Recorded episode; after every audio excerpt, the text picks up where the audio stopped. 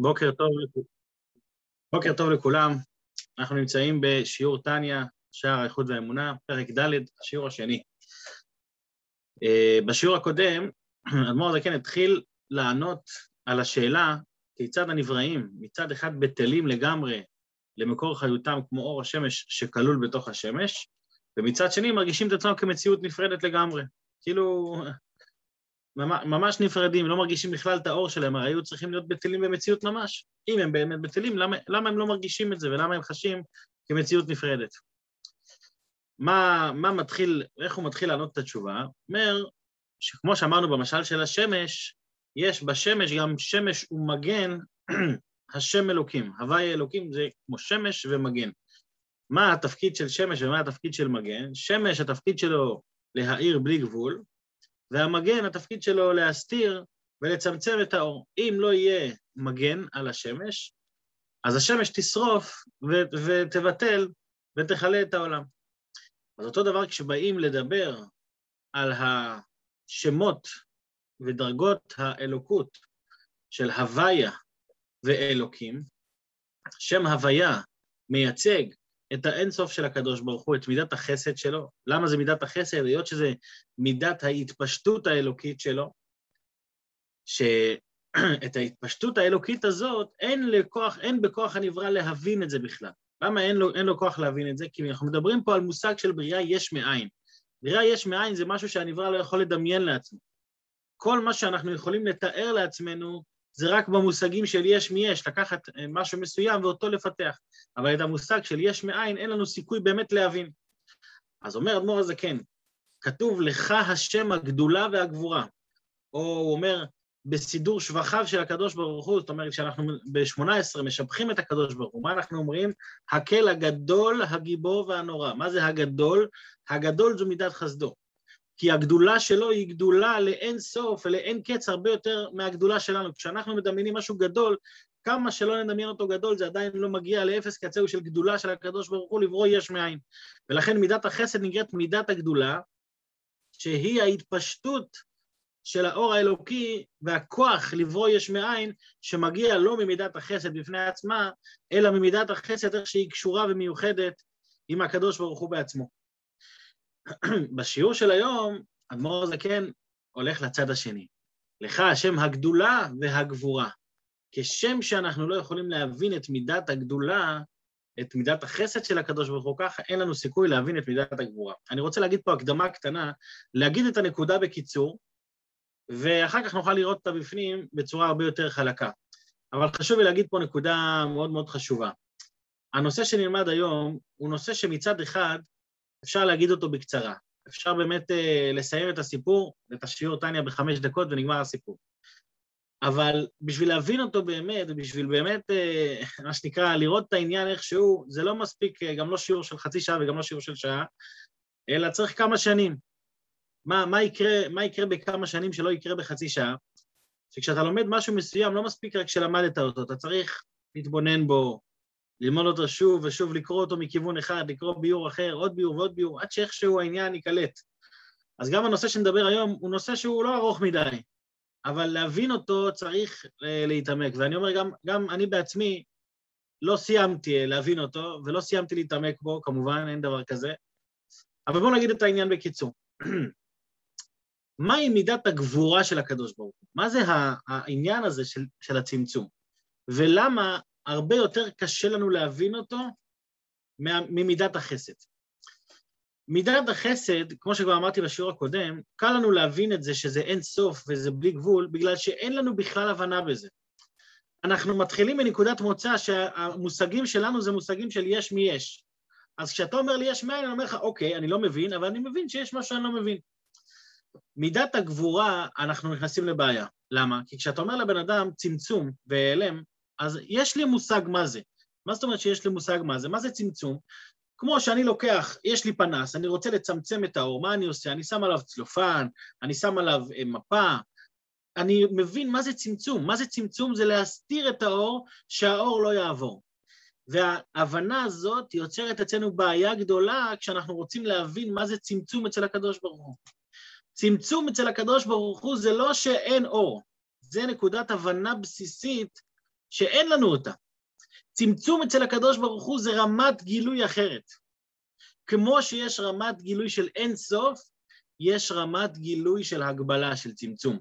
התפקיד של הצמצום אצל הקדוש ברוך הוא, הוא לא רק למעט את האור, שלא יהיה מספיק, שלא יהיה אור, אלא התפקיד של הצמצום זה לגלות את האור, שהאור יוכל להכיל את העולמות. זאת אומרת, מה הצמצום פועל? כשאנחנו אומרים, הרי נקודת התשובה היא שהנברא הוא נברא יש מאין כל רגע ורגע מחדש. למה הוא מרגיש את עצמו למציאות נפרדת? כי מידת הצמצום של הקדוש ברוך הוא נותנת לו את היכולת להרגיש מציאות נפרדת. נו, אז יש לנו את התשובה, איזה יופי. איך הוא גם וגם? מידת החסד ומידת הגבורה. אבל מה זאת אומרת גם וגם? כשאתה מדבר על אור שמאיר, אור אינסוף, שמאיר בנברא, אז זה באמת אמור לבטל אותו. אז איך יכול להיות שיש פה מידת הצמצום שהיא פתאום נותנת לי מציאות? תחליט, או שאני לא מציאות או שאני כן מציאות. שוב, אנחנו לא יכולים באמת להבין את זה. למה אנחנו לא יכולים באמת להבין את זה? כי כשאני מדבר על צמצום, אז הצמצום מסתיר. כשאלוקים מדבר על צמצום, הצמצום שלו מגלה, הוא לא רק מסתיר, הוא מגלה הערה נפרדת.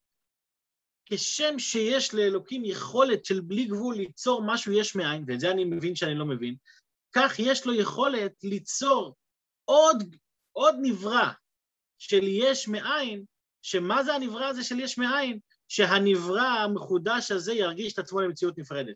למרות שהוא כלול במקורו, כמו אור השמש שכלול בשמש, אבל הרגשת המציאות העצמית שלו, מאיפה היא נובעת? מעוד מידה אלוקית שנקראת הגבורה. מידת הגבורה היא בדיוק כמו מידת החסד, רק שהיא פועלת באופן, ה... באופן ההפוך. כמו, וכמו שחסד אני מבין שיש מאין, אין לי סיכוי להבין את זה, כך גם במידת הגבורה אנחנו צריכים לפחות להבין שאין לנו סיכוי להבין את זה.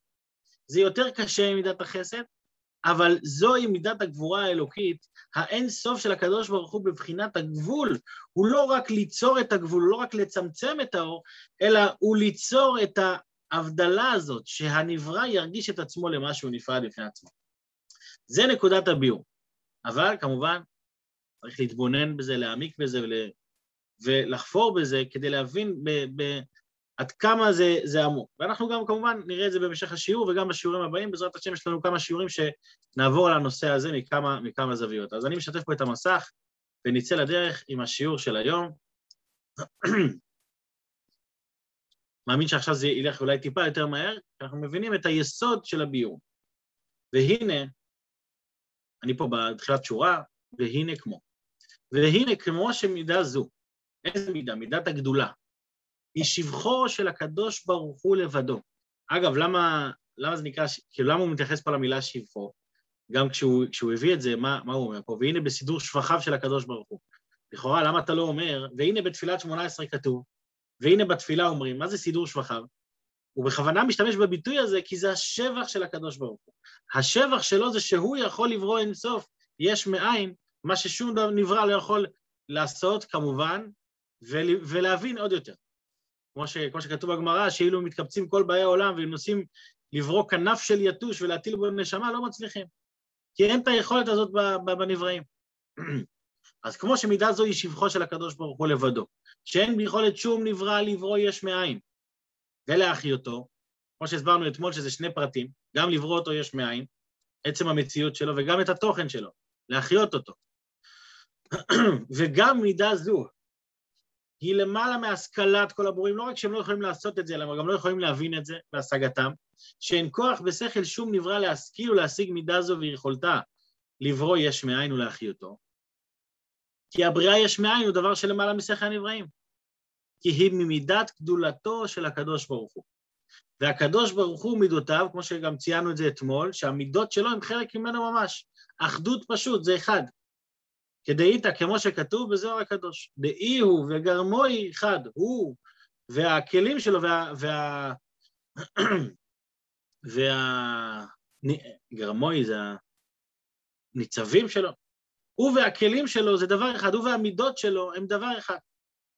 וכשם, עכשיו, עכשיו הוא הולך לצד השני, וכשם שאין ביכולת שום שכל נברא להשיג בוראו, כך אינו יכול להשיג מידותיו. זאת אומרת, המידות שלו לא מנותקות ממנו, הן חלק אחד ממנו.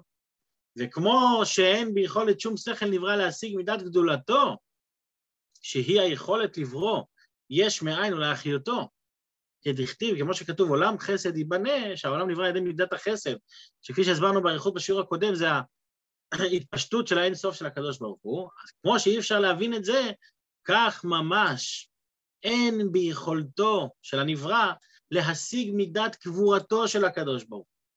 שמה זה מידת הגבורה? שהיא מידת הצמצום ומניעת התפשטות. מה זה מידת הגבורה באופן כללי? זה לצמצם ולעצור את האור שלא יתפשט. זה, זה מה שאני מכיר במושג גבורה, מושג של צמצום. אז מידת הצמצום ומניעת התפשטות החיות מגדולתו, מלירד ולהתגלות הנבראים ולהחיותם ולקיימם בגילוי.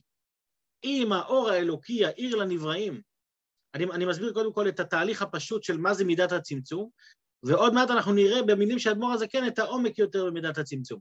אז ההבנה הפשוטה בצמצום זה שיש אור אלוקי שהוא אור אינסופי, ואם האור האינסופי הזה יאיר לנבראים, הנבראים יאבדו את המציאות שלהם. כדי שהנבראים יהיו מציאות, כדי שהאור הזה יוכל באמת להתגלות, הוא צריך צמצום. הוא צריך, לה, הוא צריך שיהיה איזושהי אה, עצירה של האור, איזשהו מיעוט של האור, שהאור יהיה מותאם יותר לעולמות. אז אי אפשר שהוא יהיה בבחינת גילוי, כי אם, אני ממשיך לקרוא בפנים, כי אם בהסתר פנים, שהחיות מסתתר בגוף הנברא. פה. עכשיו, פה, פה האדמו"ר הזה כן מתחיל להיכנס לפנימיות של הצמצום. הצמצום זה לא רק לעצור את, ה, את החיות, לא רק לה, להמעיט את האור, אלא שהחיות מסתתר בגוף הנברא.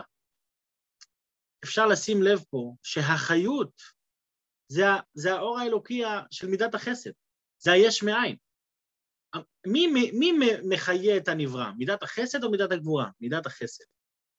אז גם אחרי שמידת הגבורה הגיעה לכאן, עדיין מי שמחיה את הנברא זה מידת החסד, זה האינסוף של הקדוש ברוך הוא שבכוחו לברוא יש מאין.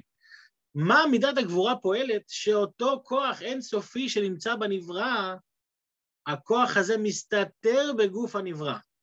ומה זה יוצר ההסתרה הזאת? שוב, זה לא, זה לא הסתרה כמו שאנחנו מבינים. כשאנחנו אומרים הסתרה, אנחנו מדברים על זה שהאור לא עובר פה. כאן אנחנו רואים שההסתרה לא מונעת מהאור לעבור, הפוך. איך יש מאין? יש מאין המחדש נמצא במחודש כל הזמן. רק מה, מה פועלת ההסתרה כאן? ההסתרה כאן היא בעניין אחר לגמרי. מסת... האור האינסופי שכבר הגיע מסתתר בגוף הנברא. הוא מתגלה בהסתרה. כמו שאנחנו נראה בשיעור של מחר, נראה שיש מושג שנקרא נר של חושך. יש אור שהוא בא בבחינת גילוי, אבל יש אור שהוא בא בבחינת הסתר. זה לא... זה... כשאנחנו אומרים חושך, מה אנחנו מתכוונים חושך? שאין אור. אבל לחושך יש... החושך הוא גם נברא. החושך הוא גם מציאות של חושך. כמו שיש אור, יש חושך. הגילוי של, ה, של הגבורה זה גילוי מצומצם, זה לא רק צמצום של הגילוי, אם אתם מבינים מה אני מתכוון להבדל.